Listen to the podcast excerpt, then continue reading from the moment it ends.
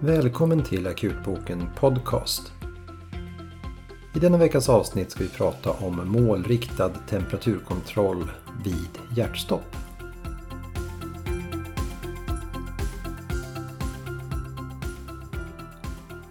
Målriktad temperaturkontroll för patienter som återfått spontan cirkulation efter hjärtstopp har funnits med i våra behandlingsriktlinjer sedan två större studier 2002 på patienter som drabbats med hjärtstopp på grund av ventrikelflimmer eller ventrikeltakykardi visat bättre neurologiskt utfall för patienter som behandlades med en måltemperatur på 32-34 grader jämfört med de patienter som inte fått någon aktiv behandling av kroppstemperaturen. De initiala studierna tillsammans med några mindre efterföljande studier talar för att behandlingsvinsten för neurologiskt intakt överlevnad är relativt stor och NNT-beräkningar visar att NNT för behandling med temperaturkontroll efter hjärtstopp vid ventrikelflimmer eller ventrikeltachykardi sannolikt är mellan 5 och 10.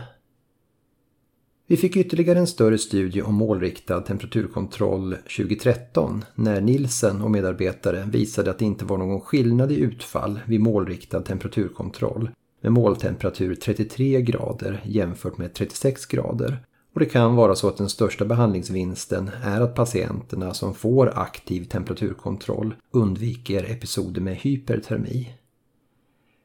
Vi vet inte idag den optimala temperaturen för behandlingen, men nuvarande rekommendationer är att patienter ska behandlas med en måltemperatur någonstans mellan 32 till 36 grader, där måltemperaturen bör uppnås inom 4 timmar och sedan fortgå 24 timmar.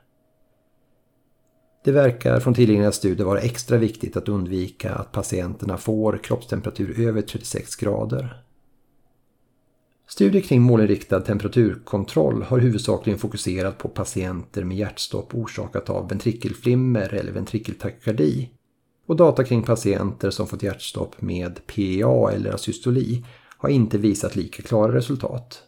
Det har funnits mindre studier som visat både positiva och negativa effekter för denna patientgrupp. Under 2019 har Hyperion-studien publicerats i New England Journal of Medicine. Studien har tittat på målriktad temperaturkontroll för patienter som har fått hjärtstopp med asystoli eller PA både på och utanför sjukhus.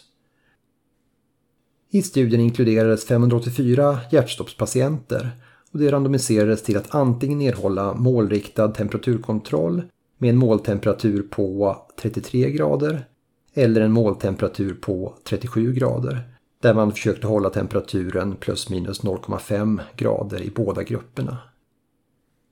Patienterna i studien hade en medianålder på 67 år och den initiala rytmen var i cirka 80% av fallen asystoli. 10% hade PA och 10% var det osäkert vilken rytm patienten initialt hade vid hjärtstoppet. Det primära utfallet i studien var överlevnad med god neurologisk funktion, vilket här var definierat som en Cerebral Performance Category, CPC, på 1 eller 2 vid 90 dagar. Och detta innebär att patienten kan ha neurologiska restsymptom men klarar själv vanliga aktiviteter, klarar eget boende och även visst arbete. Studien visar att patienter som överlevde med god neurologisk funktion var i gruppen eh, som hade måltemperatur 33 grader 10,2 procent jämfört med 5,7 procent i gruppen som hade måltemperatur 37 grader och skillnaden mellan grupperna var statistiskt signifikant. Det var således en betydligt högre överlevnad med god neurologisk funktion i gruppen som fick eh, behandling med måltemperatur 33 grader jämfört med 37 grader. Det var ingen skillnad i total 90 dagars mortalitet mellan grupperna och båda grupperna hade mellan 81 och 83 procents eh, 90 dagars mortalitet.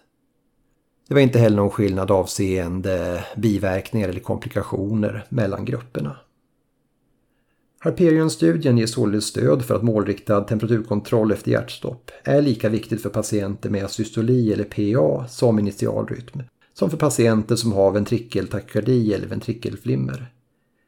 Eftersom mortaliteten vid hjärtstopp med asystoli eller PA som initialrytm är betydligt högre än vid ventrikeltakykardi eller ventrikelflimmer som primärrytm så är det dock i absoluta tal också färre patienter som överlever med god neurologisk funktion om initiala rytmen var systoli eller PA.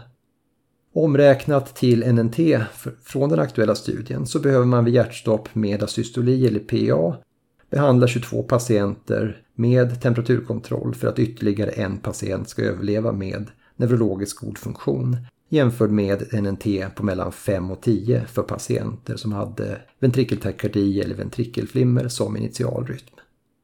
Hyperion-studien talar ändå dock starkt för att målriktad temperaturkontroll har en betydande effekt och jag tänker här att alla patienter med hjärtstopp och återkomst av spontan cirkulation som tas till intensivvård bör första dygnet behandlas aktivt med en temperaturkontroll och måltemperatur mellan 32 till 36 grader för att maximera patientens chanser till överlevnad med god neurologisk funktion.